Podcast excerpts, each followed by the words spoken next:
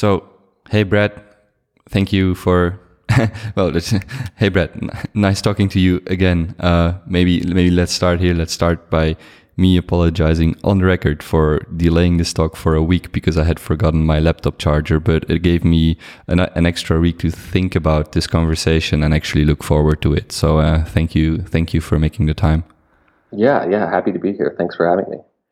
I guess that not too many people know you by your username, so let's just uh, sorry by your by your real name, or or less people on ETH Finance, where you made an uh, an original post a few weeks ago, uh, know you. But you made a post um, titled "The Seat is Occupied," and I will ask you, or I'd like to ask you to read it first for those for people who are listening who have not read um, the post or who don't remember it could you read it? And then i would like to have a uh, conversation with you about about that post and if anything at all changed in the last 25 days since you wrote it. And uh, let's just go from there. Yeah yeah sounds good. Um, i've made a couple changes just so it's a little bit more readable than uh, or listenable than readable. Um, yeah so titled the seat is occupied. I've been in the ethereum community since the very beginning hell since before there even was a community pre pre-sale. I was around for the rise and fall of Mt. Gox, Bitcoinica, Havelock Investments, BTCT, Trendon Shavers, and the origination of the term HODL. I quit a lucrative job in late 2013 to work at a Bitcoin startup, and in 2015, I made a personal transition from Bitcoin to Ethereum and have been here since. I'm as much of a true believer as you're likely to find. I'm writing this to share my view on where I see this space going and why, like the title alludes, I refuse to give up my seat on this rocket.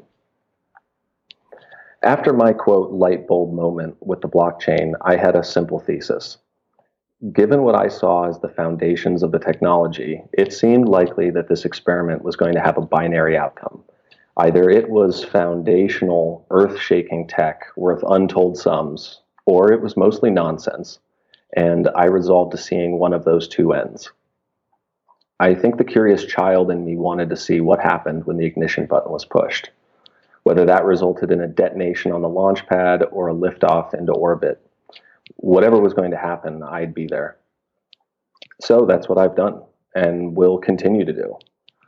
That's not to say I haven't taken profits. I have, uh, but mostly to salvage some semblance of responsibility as I saw the portion of my net worth held in magic internet money grow, not because I lost confidence in the technology or its potential. Broadly speaking, though, I don't believe we're close to seeing the complete fallout from pushing that button. The reaction is still in progress and will take years to complete.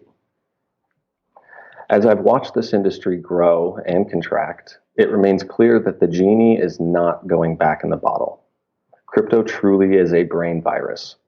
Once educated, people understand the value of a scarce, programmable, permissionless, non sovereign asset, and I submit that society won't stop seeing value in this.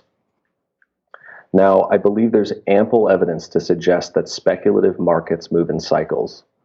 And having been through the peaks and valleys of previous crypto cycles, I am confident we're in a valley. I'm also confident there will be a future peak. The market is utterly manic, for better or worse. So I see that a 2017 Ethereum, when app and pro- protocol composability was pure theory, there were no DeFi products whatsoever, enterprise interest was cursory, and the largest, most public demonstration of the tech was collectible digital cats. All that had people tripping over themselves, trying to buy at prices almost 10 times higher than they are today. I can't help but think if those 2017 fundamentals provided enough of a platform to support the speculative rise we saw to peak prices, what will it look like when the price gets out ahead of current fundamentals, where we're in the midst of a Cambrian explosion of composable apps and protocols, a serious and growing portion of total supply locked in DeFi products, proof of stake right around the corner, poised to gobble up even more supply, more money Legos, more developers, more mindshare. We are in an entirely different realm where fundamentals are concerned. So crypto peaked in late 2017, early 2018 at shy of $1 trillion. If you don't think the story so far points to crypto being a multi trillion dollar asset class in the future, I'm not sure what story you've been reading. In comparison, the dot com bubble brought peak inflation adjusted valuations to between 6 and 7 trillion dollars. This all in a siloed market where the primary participants were those with access to US equities and early stage investment opportunities. Crypto is global. It's unrestricted and has no minimums. And it has multiple narratives, which are ultimately additive, that all command their own monetary premium. The store of value aspect is independent from the need to pay for smart contract execution, yet both work in concert, driving demand. Unless the genie does retreat back into the bottle, I believe we will see prices move out in front of fundamentals yet again, just like in 2011, 2013, and 2017. Thoughtful people are understandably reluctant to throw in with what seem like pipe dream valuations. They sound too good to be true, naive even. And I'll be the first to admit, talking about returns using an X instead of a percent should always be met with skepticism. But there are two factors at play which I feel are underappreciated that can and will legitimately drive returns of those magnitudes. And those are liquidity and reflexivity. In comparison to other financial markets, crypto markets are extremely illiquid. Not necessarily for retail investors who can move a few hundred thousand around with minimal price slippage, but for the sovereign wealth funds, endowments, pension funds, aka the institutional money, it's a different story. A lot of people talk about how crypto will only rise once institutional money arrives. The reality is that crypto needs to grow in order for institutional money to arrive. This transition from illiquid to liquid is a one way street and will continue to be responsible for profound price moves as illiquidity is the primary reason crypto prices move as intensely as they do. Sellers are always trying to get the most value for their assets. So if you want asset X right this minute, you're going to pay out the nose for it if there isn't sufficient supply when you want it. And having that short time preference leads me to reflexivity, which is especially pronounced in this industry because the two driving components, sentiment and trading based on that sentiment, now both move instantaneously. So once sentiment changes, which will inevitably happen if you believe in market cycles, the air will get sucked out of the room at a blistering pace. This is where fear of missing out really ramps up and it grips everyone from fund managers to middle schoolers, global fund managers and global middle schoolers. The result is light speed FOMO mixed with light speed trading of an illiquid underlying asset, aka the perfect recipe for face melting price moves. So, long story short, I think crypto is a gift to this generation. Do with this gift what you will, but when the music stops and the sentiment shifts, I hope you found your seat because they'll go in a hurry. There is so much to cover here. yeah. I, am afraid that people will listen to this and say like, why don't you cover this or why didn't you talk about that? So let me start with an easy question. Mm-hmm. What actually made you write this post? Like what what was the moment that you decided to write this? Um you know the the bear market for the past 18 months or more um, you know, really, uh, really got some, really was getting people down. Um, and I totally get it, especially for people who have, who entered the space sometime during the bull market, say like in the second half of 2017. Um, they've, you know, I'm sure they've heard, they've had like repeated introductions to the tech and and seen the price go up and down. Usually, this isn't, you know, people's first intro to crypto. They don't just go out and buy some generally. Um, so I I saw like deviations from what I saw as fundamental developments in the space. Um, I saw deviations between that and where price and market movements were going, and I figured, you know, I've been in this space for for quite a while, longer than most, um, and even though I'm watching, you know, an 85% drawdown over 2018, um, when I look at the things that are actually happening in the ecosystem, actual on-chain metrics, actual adoption, publicly, you know, um, forward adoption by enterprises, um, I saw two totally different stories, divergent stories. Price going down, and fundamentals and all the stuff that you know kind of matters just going up and to the right. So I felt you know a need to try and highlight that as best I could. Yeah, we actually had a chance to chat a little bit last week, so let's just maybe start there so people have a have a better understanding of your perspective on the space. You're actually a mechanical engineer by yeah, by yeah. education.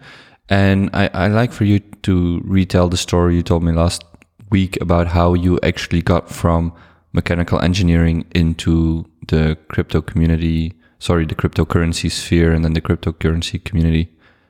Yeah.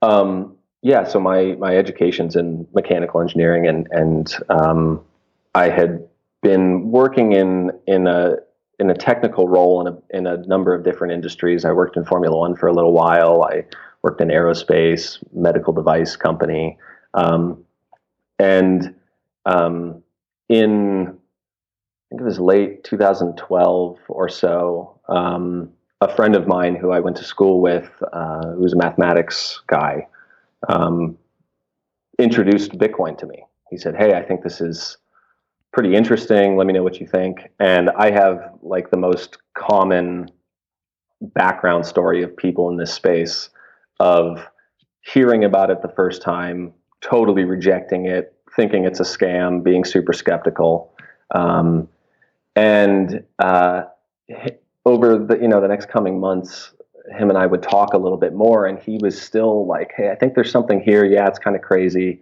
So I decided to read the white paper, the Bitcoin white paper, and dive in and try and figure out why I didn't think that this would work. And in doing so, um, I discovered just how elegant of a solution um, uh, the blockchain presents. And at that point, I couldn't I couldn't think about anything else. Like my performance at work started to decrease because I was just spending every moment like steeped in this stuff, reading as much as I could. Um, and so um, it it got to a point where I, you know, I was working in a corporate job, um, and I don't know, was sort of disillusioned, I guess, with the prospect of of working this type of role for the next forty years or whatever it would be. Um, and I thought, you know, I'm I'm young, like this tech seems to have so much promise, and the the implications of it are like so hard to overstate. Um, that I decided I need to I need to do something um, in this space. So I I left that job um, and I started a um, a Bitcoin startup that was kind of focused on doing uh, financial services for the poor, uh, specifically the the remittance sector. So what we wanted to do was enable. I think we were one of the first people to, to prove out the ability of doing custodial in a custodial way um, uh, Bitcoin transactions over text messaging. So we really wanted to try and um, you know capitalize on inefficiencies in remittance markets and things like that. And this was before the regulations surrounding all this stuff were clear by any means. Um, so we were shooting from the hip a little bit and um, just ended up having um, a number of issues, legal issues. You know, having you know working with with lawyers, and they're like, we don't really know whether this is kosher or not to be doing. Um, you know, penalties if you're if you're moving money for people on, say, like the OFAC list or um, something like that. Like penalties are really harsh. So we ended up, you know, running out of money. Um, and uh, since then, um, I kind of went back into like a consulting uh, role, more on the management consulting side. Um, but then, you know, I, my my love for the space never subsided, um, and I just started focusing all my time into research. and that's pretty much what I've been doing full time for the last um, three years or so. You mentioned that that friend introduced you to Bitcoin, but did and you met, you also said it was quite elegant solution that it proposed. But was that from a mathematical or from a mathematician's point of view or a sociologist's point of view? Because you went on to start to do this startup or try this, try and get the start of startup off the ground where you would help people, which is much, which is not as much a technological or mathematical solution, but it's a uh, sociological. Well, it's not. It's a sociological problem that you're trying to solve. So, what was the angle there? It was definitely the the sociological uh, the sociological side um, by far. I, as much as I have a, a technical background, you know, my uh, it's a different discipline of technical. So, for all intents and purposes, I'm non-technical in um, in the in the crypto space. I have no real background in software, um, but what I, you know, what I saw was the the elegance was of you know in in removing middlemen, um, unnecessary middlemen. I don't think that all middlemen should be painted with this um, broad brush of all being bad. Um, but yeah, it was looking at the misgivings that the financial um, sector had had given society through you know the 2008 uh, crash and um, looking at the increasing presence of tech companies in the lives of of everyday people. Um, and and in doing in pursuing um, the the startup um, really getting more information and learning about how siloed off what we would consider, you know, we being um, people in developed countries, Westerners, whatever, um, what we consider to be modern financial services or modern financial tools. Uh, the portion of the population, global population, that has access to that is growing, but is still surprisingly surprisingly small. I mean, especially if you consider having access to multiple things like checking accounts, investment opportunities, savings accounts, all these different products that that we can get at at the drop of a hat. Um, and I I I just felt that um, the the underbanked or however you want to label people that don't have access to modern financial tools I didn't see them getting this access through um, through traditional financial companies. Sort of like how, if you look at places in Africa or or uh, uh, Central Asia, um, you know they didn't they they in the in the phone or the tele- telephony industry they didn't have landlines right they went from having no means of communication to leapfrogging to mobile and I saw crypto as being uh, an underpinning for uh, enabling people who just had internet access to now, you know, be part of this global financial um, market. So it was it was always the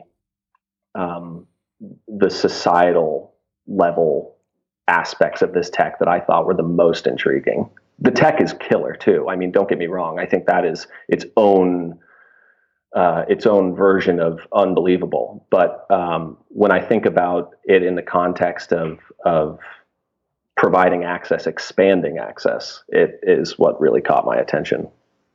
Now you said you were working as an independent researcher, and I want to come I want to come back to that, but you did write the post, I guess, for investors primarily, because in That's your right. because in your post you, as at least as I read it, and and it just starts with the place where you wrote it in the in the Ethereum subreddit.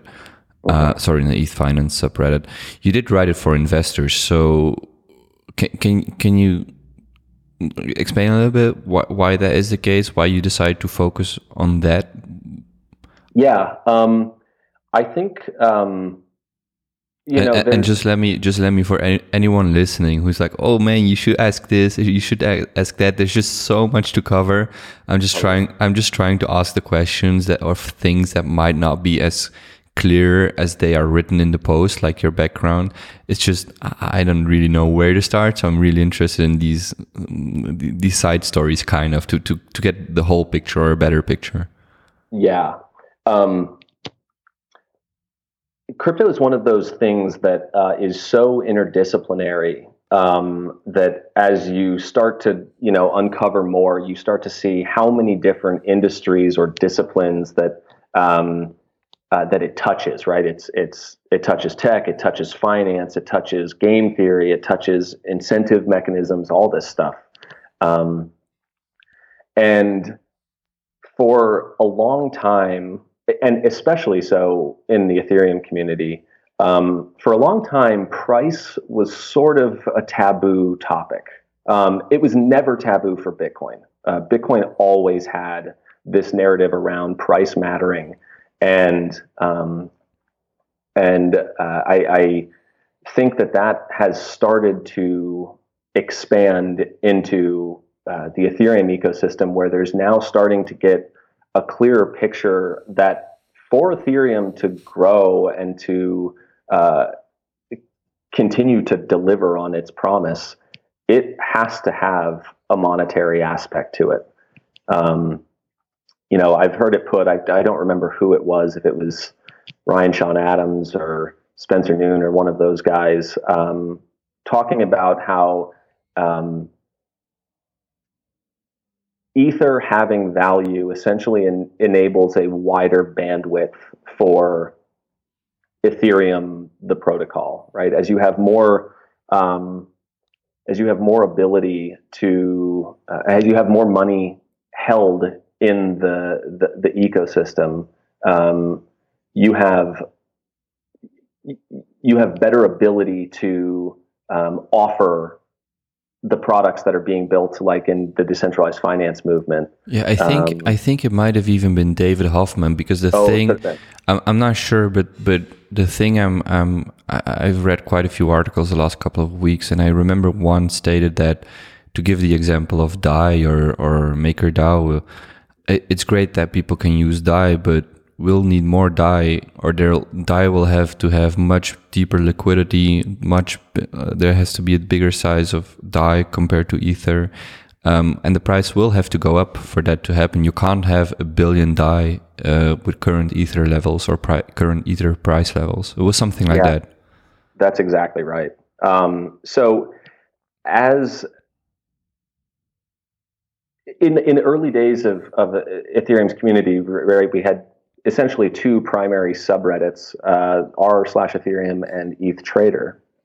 And I thought that early on it was really good that the Ethereum moderators had kind of not allowed price discussion um, in the Ethereum subreddit and always pointed to the ETH Trader uh, subreddit for that. I think that had some benefits for sure early on um, in the sense that it allowed just more focus on building out the tech, which totally needs to be done, um, and doesn't get uh, deviated too much by price discussion because the price discussion can be um, uh, a little substanceless uh, to some extent. Um, a lot of a lot of hopium going around, um, and that's all fine and well. But I think that you know now that it seems like even you know core people on on uh, working on the protocols and at a tech level are starting to agree that that ether having a higher value is better for ethereum than ether having a lower value.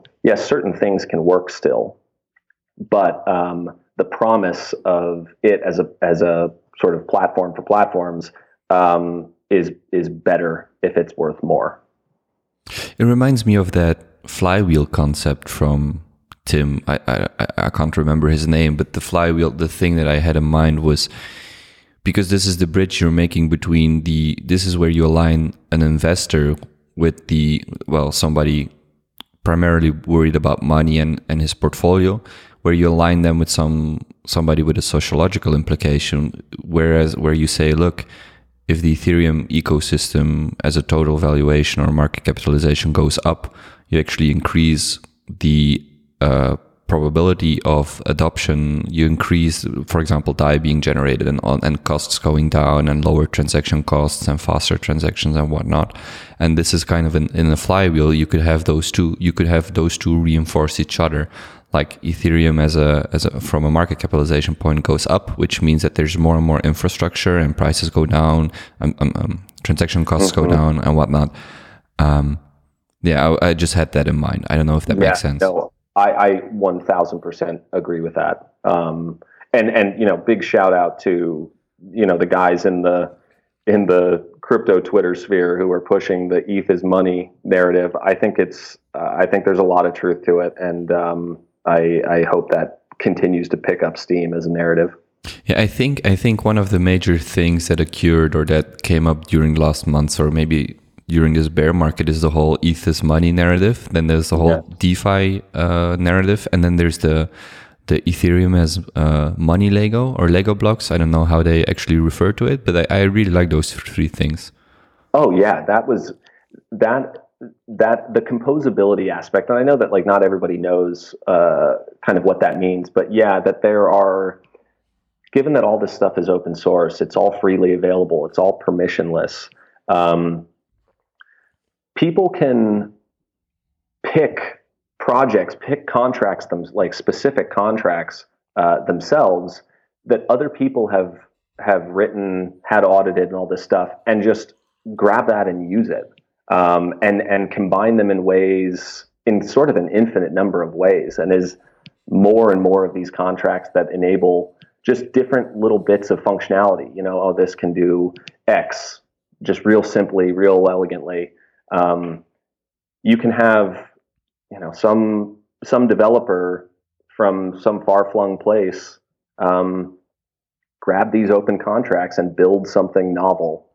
And I think that that um, that dynamic was really prevalent in the early days of the internet um, and helped the internet turn into what it what it is today. If you needed some sort of license or some sort of okay to push content to the internet, it would have never gotten to the to the scale that it that it is. So I see it as, um, it, and especially Ethereum, um, but crypto broadly, um, is doing that same type of blowing the gates open on finance and financial services and I think that the you know the the implications of that, like I said earlier, are just hard to overstate. It's it's profound. There was, and and and then I'm getting back to your post, but there was one thing, one post by Amin Soleimani. He he mm. made a post on Compound, and I think the title was something uh, things to think about before you put half a million dollars or half a 1000000 mm-hmm. and Dai into Compound, or something like that. Yeah. And whether he's right or wrong on a on the technical level, uh, because I, I cannot I myself cannot go and read the smart contracts. They don't make too much sense to me. But what I really liked about the whole saga on Reddit and on Twitter is that it actually initiates a conversation. It actually, he literally has 500,000 reasons to make sure that his money is safe, uh, in the compound protocol or in the smart contracts. And actually, again, that is I don't know if that's a fly, if that's part of a flywheel, but there's so much skin in the game from an investment perspective that you can actually push the quality of the protocol, sorry, of the ecosystem forward because people have a reason to actually, Amin has a reason to really look into the compound protocol yes. um, before putting his money there, which in the end, whatever happens with compound or, or companies or protocols that come after it, um, it just improves the situation. It just makes for for better solutions, and in the end, everybody can can uh, profit from that. So so that's just another thing that came to mind, which I really enjoy about this. Yeah, yeah, I, I totally agree, and I I love that there um, there aren't a you know there's not a shortage of of people interested in finding flaws with this stuff and given that so much of the um, uh, or given that the, the nature of all this stuff is open, you know, and, and that most of the conversations are happening on um, channels like Twitter and Telegram and Reddit, um, I, I think that people calling out stuff. You know, say, oh, this isn't actually decentralized, or this could be more decentralized, and like just shining light on on um, every angle of these uh, these contracts and all the things that are being built. Um, I it has such a good long term uh, impact. Yes, it might it might mean that you know project A fall uh, fails in the in the short term, and it was a big star child or something. Um, but that's okay. I think that you know lessons learned. Um, just like you know, I remember sitting through the, the DAO hack, um, and the amount of people calling for Ethereum's death at that point uh, was uh, there was a lot. Um, but and yeah, it was bad, you know, and it it we had a fork as a result of it. Um, but ultimately, I think it really drove a um, a mindfulness to how developers are writing contracts. Right, make this as simple as possible. Make this as as easy to read, as easy to audit. You know, um, and only only having things that only having the truly trustless parts of your application existing on a blockchain can help. Um, so yeah, I, I, I agree with you. I'll assume this is in part because my last guest was Dan Conway, and he wrote he actually wrote a book about how he did well during the last um, peak so I'll assume you did well and, and, and, or you had some luck or whatever you want to call it. And now you've been focusing on the independent research and I want to get a little bit more and delve a little bit deeper. What is it exactly that you're researching? How do you, how do you think about your research? Is it, are you trying to communicate ether to other people? Is that, is that part of it? Is it more a technical research? Are you a mechanical engineer trying to research? What, what is your angle towards this space when you say that you're an independent researcher? Yeah, so I mostly try to focus on it from um, uh, from the financial side, um, because, like I said earlier, not having a, a, a software background like you, I can't read smart contracts. Um, but um, wait, you mean financial inclusion or or investment? Well, uh, investment. Okay. Yeah, okay. more on the investment front. Um, and so, you know, I'm I'm kind of in the early stages of um, of starting a firm that will either be you know like an asset management firm or a fund or something like that. So um, most of my research is is focused on kind of three, I guess three elements. Uh, one is like kind of qualitative measures uh, around the ecosystem, like what narratives are taking hold, how are people thinking about Bitcoin, about Ether, about everything else. Um, the quantitative stuff, um, this is also kind of new for me a little bit um, in the you know the technical analysis um, side, trying to have trying to quantify um, where I see movement going, what trends I see happening, um, and then also like monitoring for uh, events in in the space. So you know, forks, halvenings, um, things like that. But I ultimately, what I'm trying to focus towards is trying to find the opportunities within crypto broadly that kind of represent the best option for risk adjusted returns. All right, let's let me just see. I, I have the post in front of me and I and I thought of just diving in somewhere, but it's um uh, it's it's hard for me to pick out one part. So let me just uh, let's talk a little bit more about the reflexivity part because that was oh. actually a new thing. I think that for most people, or, or I'm talking about myself, but that I, I, guess liquidity and the things you wrote are relatively clear. But can we yeah. can we talk a little bit more about reflexivity and what that means in this um, context? And also, I noticed that you edited it out in the audio version, but in your post you refer to this cartoon mm-hmm. where I'm I'm pretty sure if people open it they'll have seen it before, but I'll just give you the word and just yeah. Yeah. Yeah, so the cartoon from the post, um, I wasn't really sure how to go about, you know, describing it, but I can I can do that now. Um, it's a pretty famous uh, financial cartoon where um, you have this. Um, actually, let me bring it up because I don't remember exactly what they say in it. Um, so you have um, this this kind of phenomenon that happens where um, let me get there real quick. Sorry. Okay. Yeah. It's sort of a throwback to, to how stock trading uh, was done on the on the um, on the floor, where you know you have this guy on the phone and he says, "I've got a stock here that could really excel," and someone next to him only hears "really excel," and then someone next to him only hears "excel," and then someone next to him only hears "sell," and then a guy looking more worried hears "sell," and then everyone clamors to sell so everyone is um, is is selling, and there's you know the next panel. There's a guy that says, "Man, this is madness. I can't take anymore. Goodbye."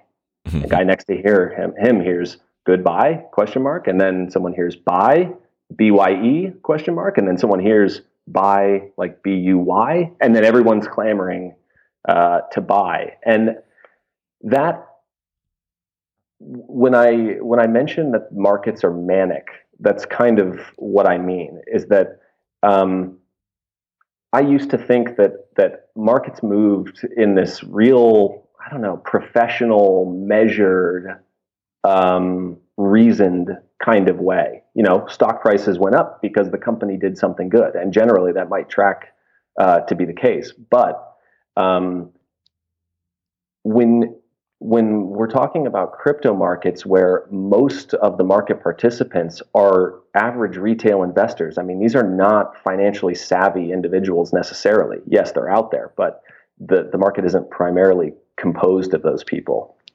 Um, humans react with um, with fear uh, and greed uh, with things that are important to them their family, their friends, money. Um, and so anybody who has watched if you've you know if you've found yourself watching candlestick charts you know one minute candles or five minute candles or mm-hmm. something like that when you when when when you see a downturn like what we actually just saw i mean you know a number of days ago it looks like the world is ending right? Like these, this red candle just grows and grows and grows, and it's just like, oh God, you know, the ship's sinking. Like I got to get out. Like you know, I still have some in there. I can salvage that, and that this is like kind of the mindset of people who, um, who don't have uh, much experience in in trading volatile assets, or even you know, I had a a, a long background playing poker, and um, the kind of adversarial thinking that I think comes about with a game like that and the almost the need to disassociate the money that you're playing with with you know what what constitutes the best decision um, when people are are are moving around something that's important to them and money is arguably one of the most important things that people have um, they do not behave in a measured, rational, calm way. So reflexivity um, being high in this industry, um, I think is that way for a couple reasons. One, like I said, most of the participants are retail investors who don't have any training or, or real experience um, uh, trading volatile anything. Um, and the second is that given that all of this stuff is built on the internet, um, communication about what a market is doing moves at the speed of light. And effectively, crypto trades, especially compared to how long it takes for stock trades to settle and, and all that, the trading now also moves at the speed of light. So, you know, you have this investor base that is largely inexperienced. Um, the markets that the that the assets are traded on are are illiquid from a from any kind of global point of view. Um, And so the reflexivity is kind of like when prices move up or down, they do so at just a killer pace. Um, and I I think that that is maybe one of the least um, what's the word? Um, one of the least acknowledged aspects to crypto is how reflexive it can be. Um, and all it takes, you know, you can just go back through the history and look at um, at how long it took some uh, you know the big the big blow off kind of peaks like where the rally really started to just go vertical. Um, most of the money is made in a very short period of time um, and i think that reflexivity will start to will will dissipate a little bit more volatility dissipate a little bit more as the markets become more liquid. Um, but i think we have a ways to go until that starts seeing any any appreciable you know temperance.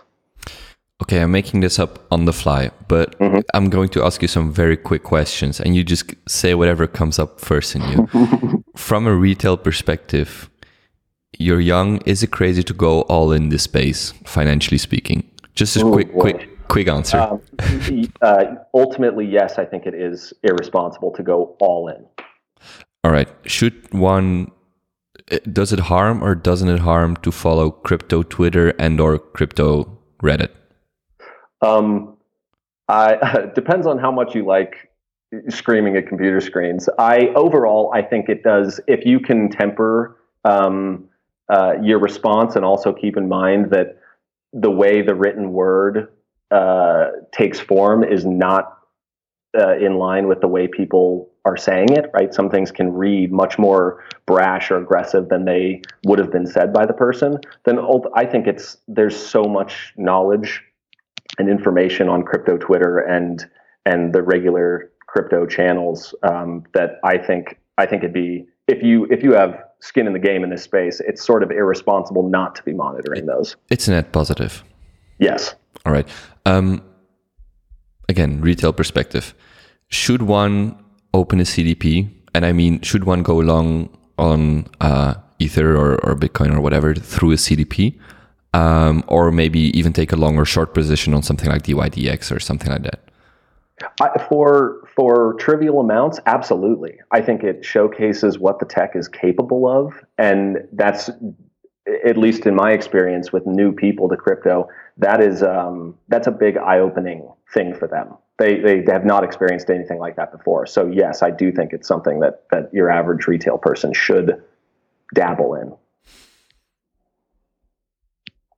I'm I'm just thinking. I'm thinking about things things learned since 2017. Quick questions. Um, yeah.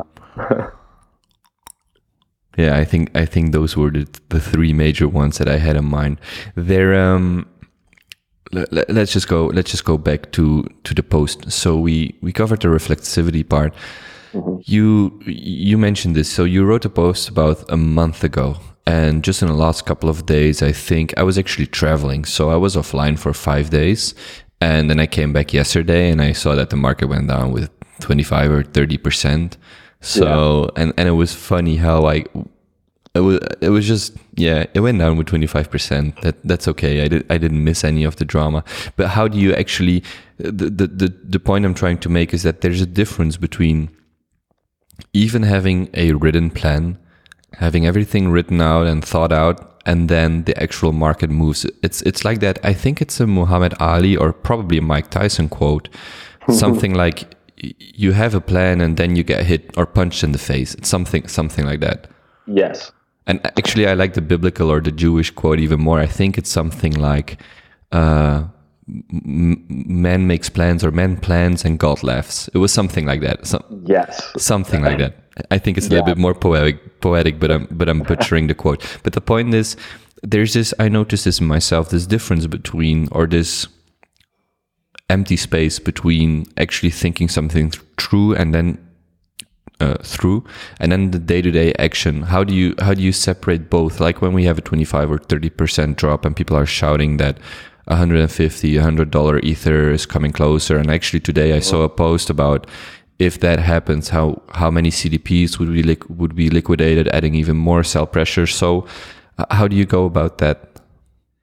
Um, it's a great question. I I try to um, take very long time frames with this with with this stuff. I know that it'll take years uh, for the tech to play out and permeate through society, and the the actual the actual manner in which that happens, I like everybody else have no clue how it'll actually go. I think I have a mind towards sort of a, a like a a cone of of directions that I think it could possibly go in, and the specific way it will play out is is yet to be seen. But um, I try personally to keep in mind that the price is not the network.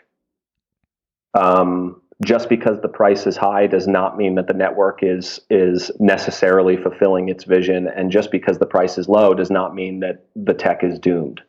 Um, so it, it, could just come with the fact that I've been in this for quite a while. Um, but I I look at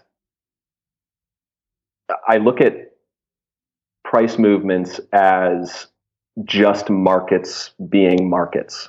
Um, and with with what I talked about in the post of these markets generally being illiquid and high, highly reflexive, um, at this point, you know, double digit percent price moves don't don't really concern me too much if I'm taking a long-term point of view. If I'm a day trader or something like that, then yeah, that uh, that that's a totally different story. But um, I'm looking at at long-term prospects and like value investing, and I um,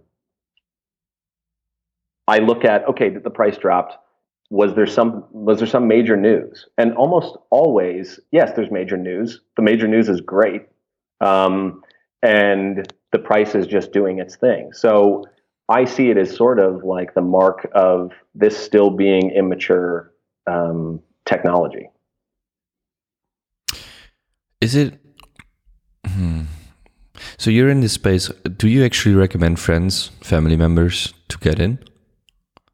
Um. And I was going to I, ask. I was going to ask: Is it unethical, unethical not to tell them to get in? See, that's oh man, I love that you added that on the end. Um, I'm I'm really torn on this, and I I mean, still to this day, I'm torn on this. Um, on the one hand, like I said at the end of the the post, that like I really do believe that crypto is effectively a gift to uh, to this generation. Like the asymmetry of this bet that we're talking about here um, is is is staggering.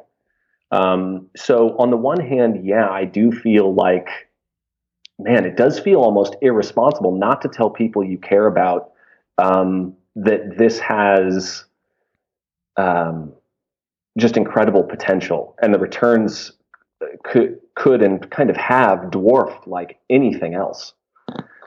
On the other hand, um, I think living and breathing this stuff, um, no question, puts you into an echo chamber, um, and I think risks get downplayed, um, and the fact that you know certain things haven't happened, people take as evidence that they won't, um, and I think that's misguided. So I think that there are definitely risks here. I mean, and like large risks. At the same time, um, again with long term, um, uh, with a long term point of view. Um, I, I, obviously am in the position I'm in, so I've come to the conclusion that the risks or that the rewards far outweigh the risks. Um, but it's I personally generally try not to tread on um, uh, in the ground of of advising friends and families to uh, friends and family members to buy this. Right? I mean, I have some understanding of where those where those people are financially. Um, but I think that it's absolutely responsible to say, you know, I think of of the investable money that you have, aka money that you could you know live on without, not your rent money, not your bills, not your anything, um, investable money.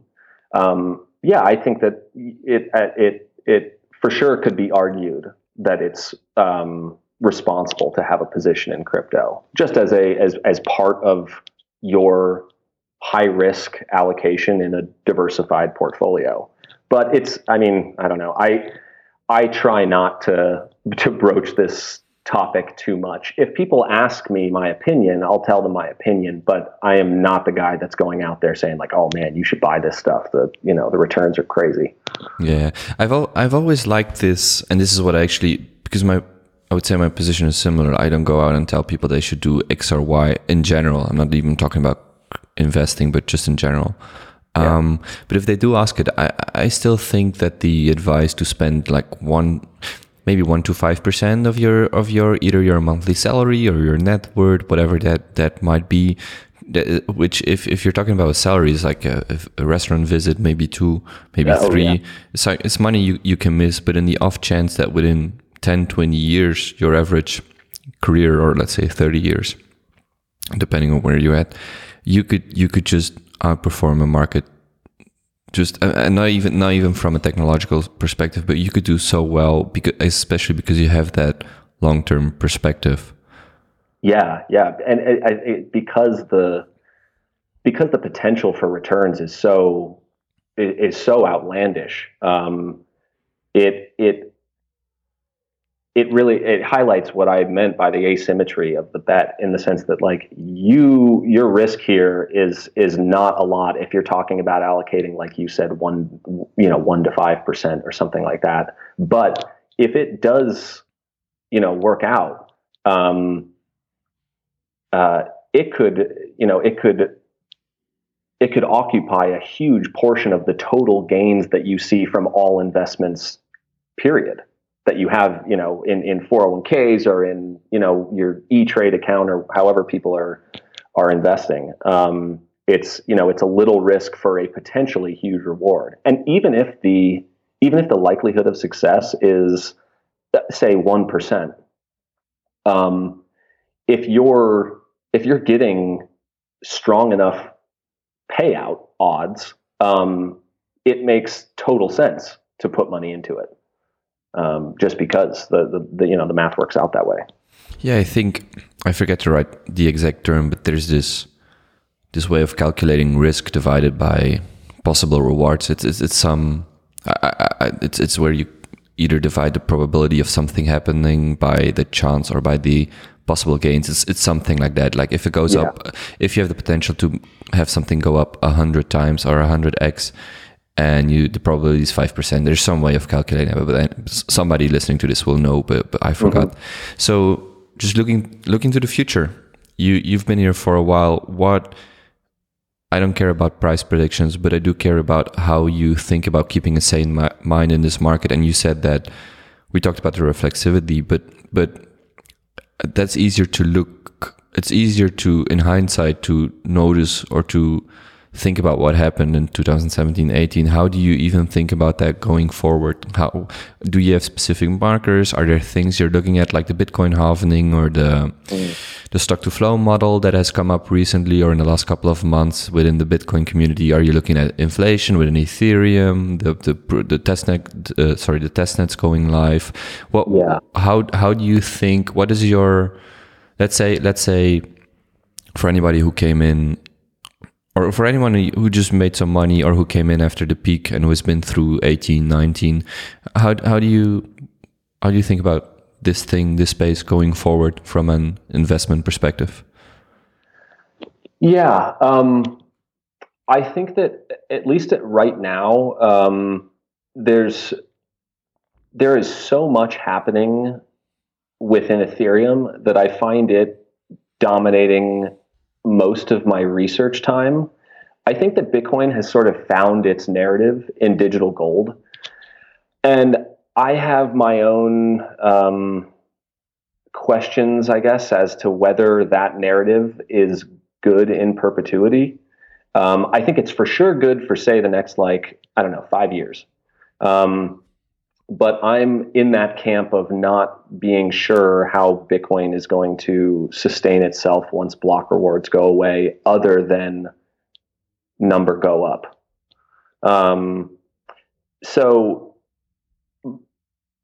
most of what I like, what I see is as interesting from an investment standpoint, um, uh, moving forward, and especially on a risk-adjusted basis, is is within Ethereum. Um, I I think that DeFi, decentralized finance, open finance, that whole movement um, is super exciting to me. I thought I thought ICOs and token sales and stuff like that were were exciting as well. It sort of democratized, you know, the ability to raise capital. But as we saw with most ICOs, you know, the the the SEC came and kind of poo pooed on that. Um, but I I actually think that the what I'm seeing with with DeFi, open finance, um, is actually more exciting than um, than ICOs. So that, like, coupled with um, Ethereum's major move to to proof of stake, ideally, hopefully, um, you know, Q1 of next year. Um, I think. Oh, and and also having things like EIP fifteen fifty nine get implemented. Um, Wait, is that Conner's. Yeah, is that Eric Eric's one? Yeah, that's right. The ETH ETH for gas fees, burning ETH for gas fee, as gas fees. Yes, um, I I was actually surprised to see that um, being considered um, uh, for the next fork, and uh, it seemed to be a, a, a fairly large change to um, uh, the dynamic. So um, I'm not surprised to see that it's been pushed out to a later date. But I think that if that if that is sound and you know gets implemented, um, that has uh, huge driving force behind the the ETH is money um, uh, movement. Um, let's see what what else. Um, by the way, just just to highlight one of the things you said, just the other day, it might have been yesterday. This I think it was an NBA player. I'm not sure, mm-hmm. an American who actually tokenized his contract. And I think it's Ryan Sean Adams who, who always talks about, or who often talks about, whatever can be tokenized will be tokenized. But it's a great example of of um, of a few things. Actually, the technology, just the technology catching on, but also the legal framework catching on and yeah. and because basically if you're buying this contract or this bond or whatever you want to you want to refer it to you're not just you're not just taking the risk of getting paid you're also taking the systemic uh, technical risk. Like you're not well from a legal perspective. So actually seeing these things develop just it's just fascinating to see for me. It's like oh wait a moment. They these people have actually they're taking a gamble but they are I, I assume they are um, educated enough and they did their research and now they decide to, to launch this on Ethereum, which means that they, they, they necessarily have to take a three, four, five year perspective, yeah. whatever the contract uh, period was. Um, but to launch these things on, on Ethereum or to tokenize this, these things first and foremost, and then to use Ethereum as a base layer or the smart contract platform, it's just it it just it just under or highlights what what you've been saying. Yeah, and I, I completely uh, agree with Ryan that it, it, the way it looks right now, anything of value and things that we don't even really know to value yet um, will be tokenized to some degree. And right now, it's like there, there, there like isn't a, a competitor. I mean, there's there's stuff that's going to launch. It's in testnet phase. It's has a lot of promise. Um, but being a live chain with actual paying um, smart contract usage is you know where where it's actually in adversarial conditions is a whole nother a whole nother animal. In fact i kind of wish there were um, a, a a a more solidified number two in the smart contracting space. I mean the the ones that are there are delegated proof of stake and and you know some people call them cartel chains and I would love to see a, a second truly open um, uh, smart contracting platform. But right now, if if if the thesis is that everything of value uh, will be tokenized, then right now the only platform, as far as I can see it, to do that on um, is Ethereum. And you know, I look at things like what the Brave browser is doing with um, tokenizing attention. I mean, that's you know that's pretty sci-fi. That's um, that you know, regardless of of the token models themselves, I think that just like the the conversations that are happening and the the amount of investment that big name players are are putting into um, developing this stuff and exploring novel use cases, it's so it's so bullish in my opinion. So proven track record, very bullish adoption. It's mm-hmm. a gift to this generation. Mm-hmm. The only trustless token within Ethereum is Ether. So you are saying go all in. this is not financial advice.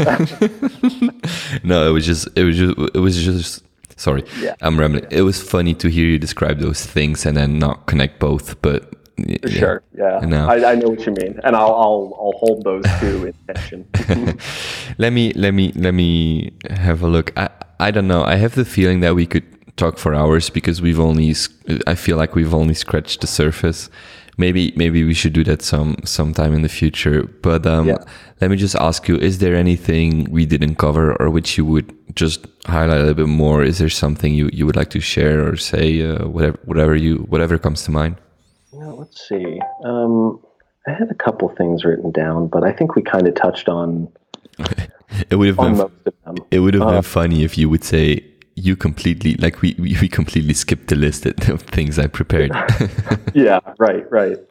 Um, yeah. No, I think we we touched on on most of it. I guess one thing that I've um, I've been trying to focus on a little bit more in talking with new people. Um, uh, about Ethereum and, and crypto broadly is trying to convey um, how how architecturally different products and services built on these types of platforms are from traditional ones. Um, in the sense that you know the closest parallel that I feel like I can kind of come up with is that uh, it is one of of radio in the sense that you know, a person needs to make like a one-time hardware purchase of like a, a radio receiver. And then that that one-time purchase gets them access to radio sort of anywhere at any time. They don't have to pay an ongoing fee for it. They don't have to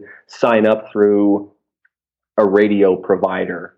Um, it's just it's it's floating around the air all around. Um, and so I've tried to like and and failed in doing so. I'm still trying to kind of refine how to put this, but um, trying to convey to people that um, the future of tech products and services could could from a fundamental standpoint be kind of looked at the same way with the parallel being in the radio you buy a radio receiver but in in the crypto world you have a a, you know a computer or a smartphone, and those are only getting more commoditized. Um, I think even there are more cell phones than people.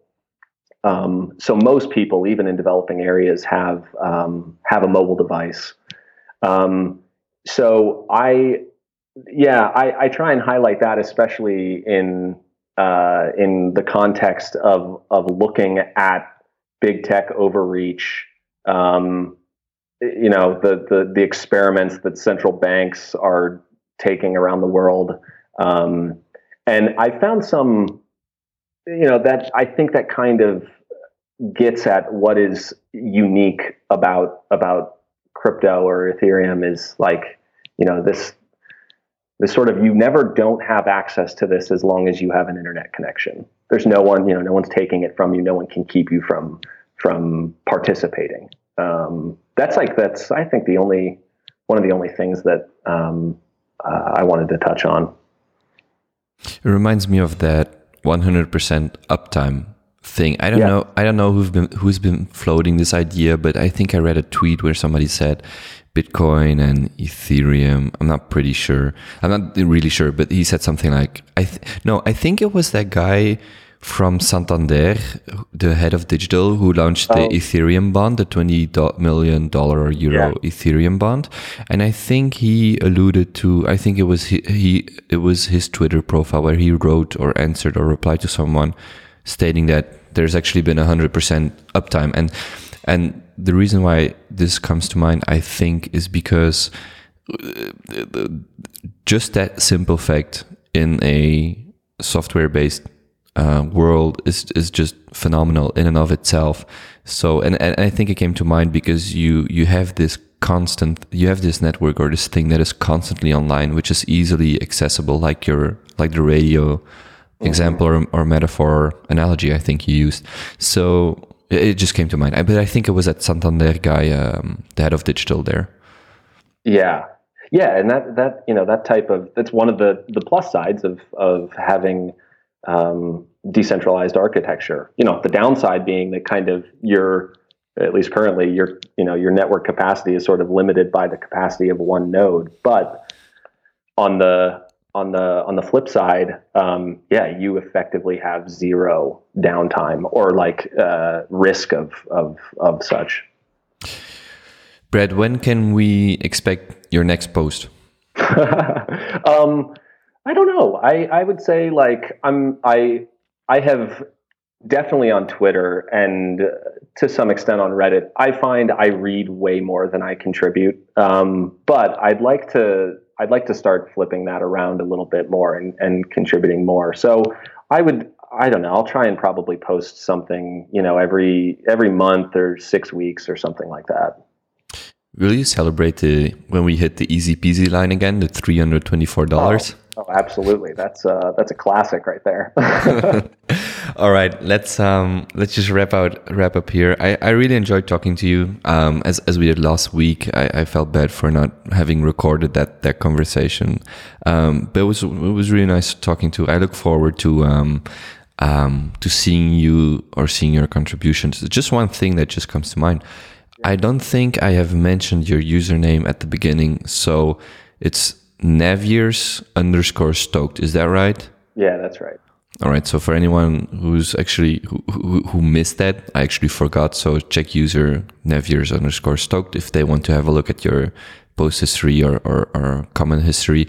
But I'll, I'll link to everything in the so-called show notes or in the post that I will make here. And I'll also link to your original post so that people can check it, including the cartoon. Um, yeah, that was everything from my side. Thank you. Yeah. I, I really, I really enjoyed this conversation. yeah, thanks. So did I. Yeah. Thanks for having me.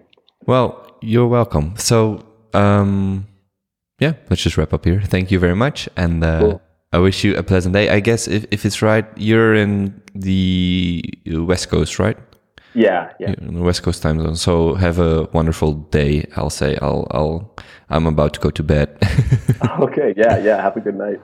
All right. Thank you very much, Brad. Yeah. Thanks, Kobe.